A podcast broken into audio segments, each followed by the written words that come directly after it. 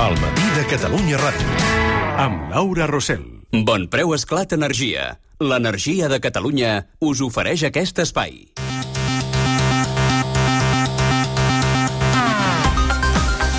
Tres quarts d'onze del matí tenim a línia ja el professor Xavier Saler Martín. Molt bon dia. Hola, molt bon dia. Bon dia. Ara just parlàvem d'aquest boicot que demanen les alcaldesses de París i de Barcelona contra Amazon per afavorir el comerç de proximitat. Què, què en penses? Té sentit fomentar-ho?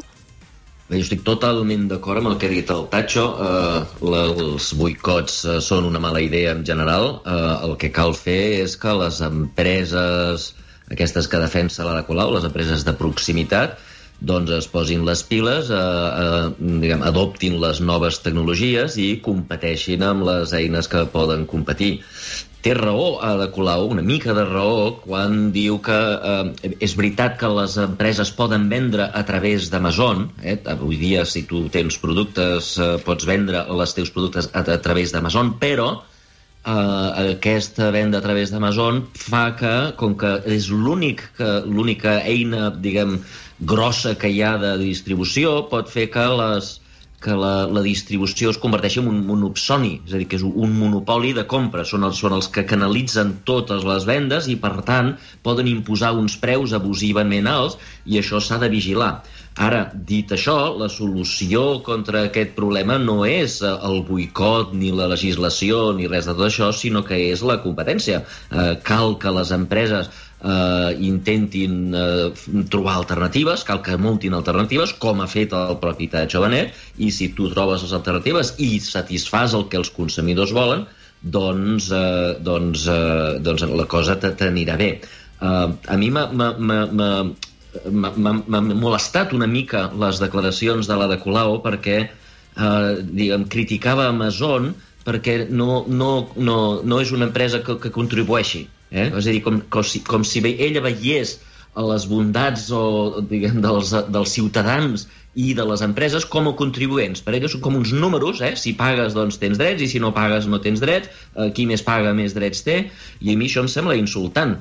Uh, perquè diguem, el valor que porta una companyia no és, una companyia o una persona no és el que contribueix a la societat, el que contribueix a les, a les arques de la ciutat o a les arques del govern, el, el, jo crec que durant la pandèmia hem vist que la contribució que ha tingut Amazon, en aquest cas, ha estat incalculable. Uh, quan se'ns prohibia uh, sortir, a mi, a mi precisament, a mi, a la primera setmana de la, del confinament, se'm va trencar el microones. Ja estava tot Ostres, tancat, tota la ciutat absolutament tancada. Uh, què, què, fot, què fotré jo? Ser, un, un, tres mesos sense microones? Uh, la solució va ser Amazon. Vaig comprar Amazon, escolta'm, en 24 hores tenia uh, un microones i això em va salvar el cul. I com a mi, uh, això va, va, va beneficiar a una enorme quantitat de gent que un cop estaven tancats doncs van voler comprar bicicletes estàtiques, uh, microscopis pels nens, uh, llibres, coses, quan tot el món estava tancat, això és el que ens va salvar. Això és el valor que va portar um, Amazon uh, durant la pandèmia, i, i dir que l'únic valor que té Amazon eh, o qualsevol companyia és si tributa o quan més tributa més valor té, a mi em sembla realment insultant. Ah, I de fet, no només Amazon ven per internet, no? Exacte, és que et dic que sí, eh, és veritat que Amazon ara té no, no un monopoli, però un quasi monopoli, és a dir, té, una, té, té, té un domini. Quan tu, quan tu intentes buscar el més eficient ara mateix és Amazon, però això no vol dir que sempre hagi de ser així. Moltes empreses s'han posat les piles, igual que molts restaurants es van posar les piles, van començar a posar pàgines web i van començar a vendre també a través d'internet, quan abans de la pandèmia no ho feien. Um, el, que, el, que ens, el, que ens, el que ens permet la tecnologia, aquesta tecnologia no és un monopoli d'Amazon. Amazon va tenir una bona idea, va dir, escolta'm, uh, una idea que ja va tenir l'any 2000, va ser la gent voldrà comprar per internet. Si la gent, alguns productes per internet, hi haurà productes que la gent seguirà volent anar a tocar les maduixis i vol veure que la, la carn està fresca i tot això, si la gent vol comprar això a través, diguem, a, a, en els mercats tradicionals, fantàstic, i jo crec que això seguirà sent així. Però si hi ha molts productes que la gent prefereix comprar-los per internet, eh, doncs ho compraran per internet i, si, i el que hem de fer les empreses i el que han fet moltes empreses és entendre això i adaptar-se. Mira, quan, quan va aparèixer, quan va aparèixer el, el, diguem, l'internet al principi, eh, recorda que va aparèixer una aplicació que es deia Napster. Te recordes, Napster? Sí, sí, sí, sí. Que, era, que era una aplicació que tu posaves les teves música, eh, la posaves en el teu ordinador, la, mus- la, el, el Napster llegia les teves cançons i les publicitava arreu del món. I tu podies veure les cançons de tota l'altra gent que tenia Napster i llavors simplement tenies com una mena de menú gegant de milions i milions de cançons, cliquejaves en la cançó que volies, una cançó de Supertramp de l'any 77, que mai havia, que no havia sentit mai més, i te la baixaves. Escolta'm, per moltíssima gent allò va ser màgia. De sobte, de sobte podies veure totes les cançons que hi havia al món, no havies de baixar a la botiga a comprar un CD, obrir-lo i llavors haver escoltat només l'única cançó que t'agradava de tot aquell CD amb 20 cançons, allò va canviar el món d'aquella experiència van sorgir dues reaccions. Una va ser la de AM Records eh, i la major part de la indústria discogràfica que va ser portar un litigi als tribunals a obligar a tancar. Vale? I van estar durant litigi, durant anys litigis i ja finalment van guanyar i van obligar a Napster a tancar. La segona reacció va ser la d'Apple, i Apple va dir, escolta'm, què vol la gent? Per què la gent s'ha excitat tant amb això de Napster? Uh, és que la música és gratis? El que vol la gent és tenir aquest menú gegant i poder-se baixar qualsevol cançó en el moment que desitgen escoltar la cançó? Què és el que volen? Uh, van entendre que el que realment volia la gent no era que fos gratis, sinó que tingués la disponibilitat, no haver de comprar, de- d'esperar el dilluns a que obri la botiga a, a comprar el CD, no haver de comprar tot el CD, sinó només baixar-te només una cançó. I a partir d'aquí van crear iTunes, que va ser una de les màquines de fer diners més grans que mai ha tingut Apple. És a dir, van entendre el que volia la gent, van entendre la tecnologia i ho van donar i van guanyar calés. Al cap d'uns anys, AM Records va guanyar el litigi, van obligar a Napster a tancar, però AM Records va acabar fent fallida perquè la gent no va tornar a comprar CDs, no va tornar a comprar discos eh, i per tant AM Records va acabar fent fallida, va desaparèixer, mentre que Apple es va convertir en una de les companyies més riques del món. Què vull dir amb això? Doncs que la reacció que un té davant la tecnologia pot ser doble. Una, intentar boicotejar, aprovar lleis per impedir que la gent faci i compri determinades coses, o bé adaptar-se i fer les coses bé. Les empreses de Catalunya que fan que facin les coses bé sobreviuran i les que vagin a plorar a l'Ada Colau i els hi digui sisplau, prohibeix, sisplau, boicoteja aquestes empreses, aquestes acabaran morint. El que ha de fer les, les empreses és satisfer, entendre què vol la gent i satisfer aquestes necessitats. Si la gent realment vol comprar eh, algunes coses a través d'internet, les empreses s'han d'adaptar. I això és exactament el que ens ha explicat el Tacho Benet. Ara som a la setmana del Black Friday, que és aquesta nova tradició importada uh, de consum, uh, però tenim també molta por, i a la societat hi ha por de, de sortir al carrer, sobretot uh, de, per evitar espais amb aglomeracions, on es concentri molta gent. Aquests descomptes que s'estan ja començant a, a publicitar dels Black Friday, les campanyes que, que estan animant a gastar, creus que poden dissuadir aquesta por a trepitjar els establiments físics? Jo crec que no. A veure, això ja ho hem eh, parlat d'altres en el context de restaurants i d'hotels i de turisme. Eh, diguem, l'estiu va ser un exemple mm, es- espectacular del que passarà, del que, va, del que pot passar i del que passarà. A l'estiu tot estava obert, tot eh, podien venir turistes, eh, els restaurants estaven funcionant, els hotels podien funcionar, tot i que molts van decidir tancar, Uh, I què va passar? Doncs que no va venir cap turista. No va venir cap turista, no perquè fos il·legal, no perquè, tinc, no perquè uh, hi hagués confinaments, sinó perquè la gent tenia por. Uh, I fins que no s'arregli el problema de la por, uh, aquest tipus d'activitats no acabaran de funcionar tan, com, tan bé com funcionaven abans.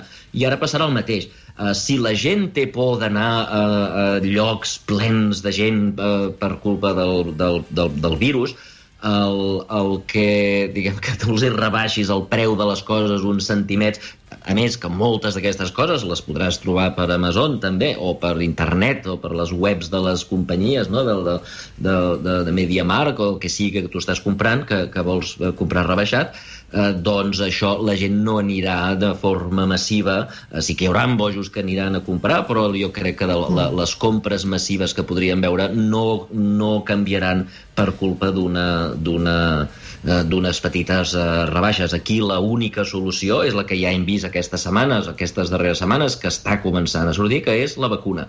Un cop hi hagi la vacuna i un cop es distribueixi de forma massiva, i jo crec que tot això ja ho tindrem més o, més o menys encarrelat de, de cara a l'estiu i la tardor que ve, Uh, doncs llavors jo crec que hi haurà un moment d'eufòria, la gent començarà a viatjar, començarà a anar a restaurants, a bars, discoteques, començarà a tornar en els centres uh, comercials a comprar de forma massiva i, i tornarà la, la despesa, tot això que estem estalviant la gent ho, ho començarà a gastar eh, i tornarà el creixement econòmic, i, però mentre hi hagi por jo crec que difícilment eh, sí que veurem compres, eh, però no seran de forma tan massiva com eren els altres anys. Mm. Deixa'm que, que et pregunti també pels Estats Units, perquè just aquesta matinada Donald Trump ho ha fet molt complicat, eh? però ha vingut a reconèixer la derrota a, a les eleccions de, del 3 de novembre. A, et sorprèn que hagi trigat només 17 dies a fer-ho?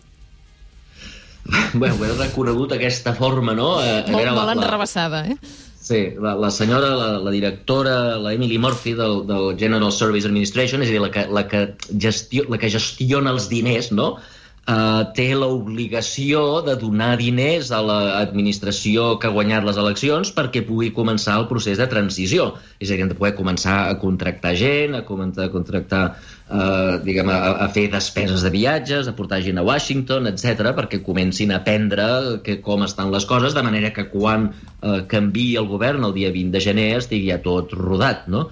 Uh, I el Trump li havia dit en aquesta dona, que és una dona que ell, havia, que ell ha posat, que no donés ni un euro, ni un, ni un dòlar en, aquests, eh, en, els, en els demòcrates perquè comencin aquest procés de transició, però clar, eh, ahir va passar que eh, diguem que els estats, que són els que, els que certifiquen el, el resultat de les accions, a poc a poc tots van dient ha guanyat el Biden, ha guanyat el Biden, no? Eh, I ahir un dels grossos que ell pensava, que el Trump pensava que podia guanyar, que és Michigan, va certificar el resultat dient que havia guanyat, a Michigan havia guanyat el, el, el Biden i, a més, el Tribunal Suprem de Pensilvània va desestimar les queixes del Trump i, per tant, sembla que Pensilvània també un dia d'aquests certificarà i per tant ja està gairebé, la, la suma ja és, ja és matemàtica, ja, ja, ja està clar que ha guanyat. I aquesta dona ja no tenia més remei, perquè l'anaven a portar als tribunals, que signar eh, que signar el, els papers que donaven els diners perquè els demòcrates poguessin començar la transició.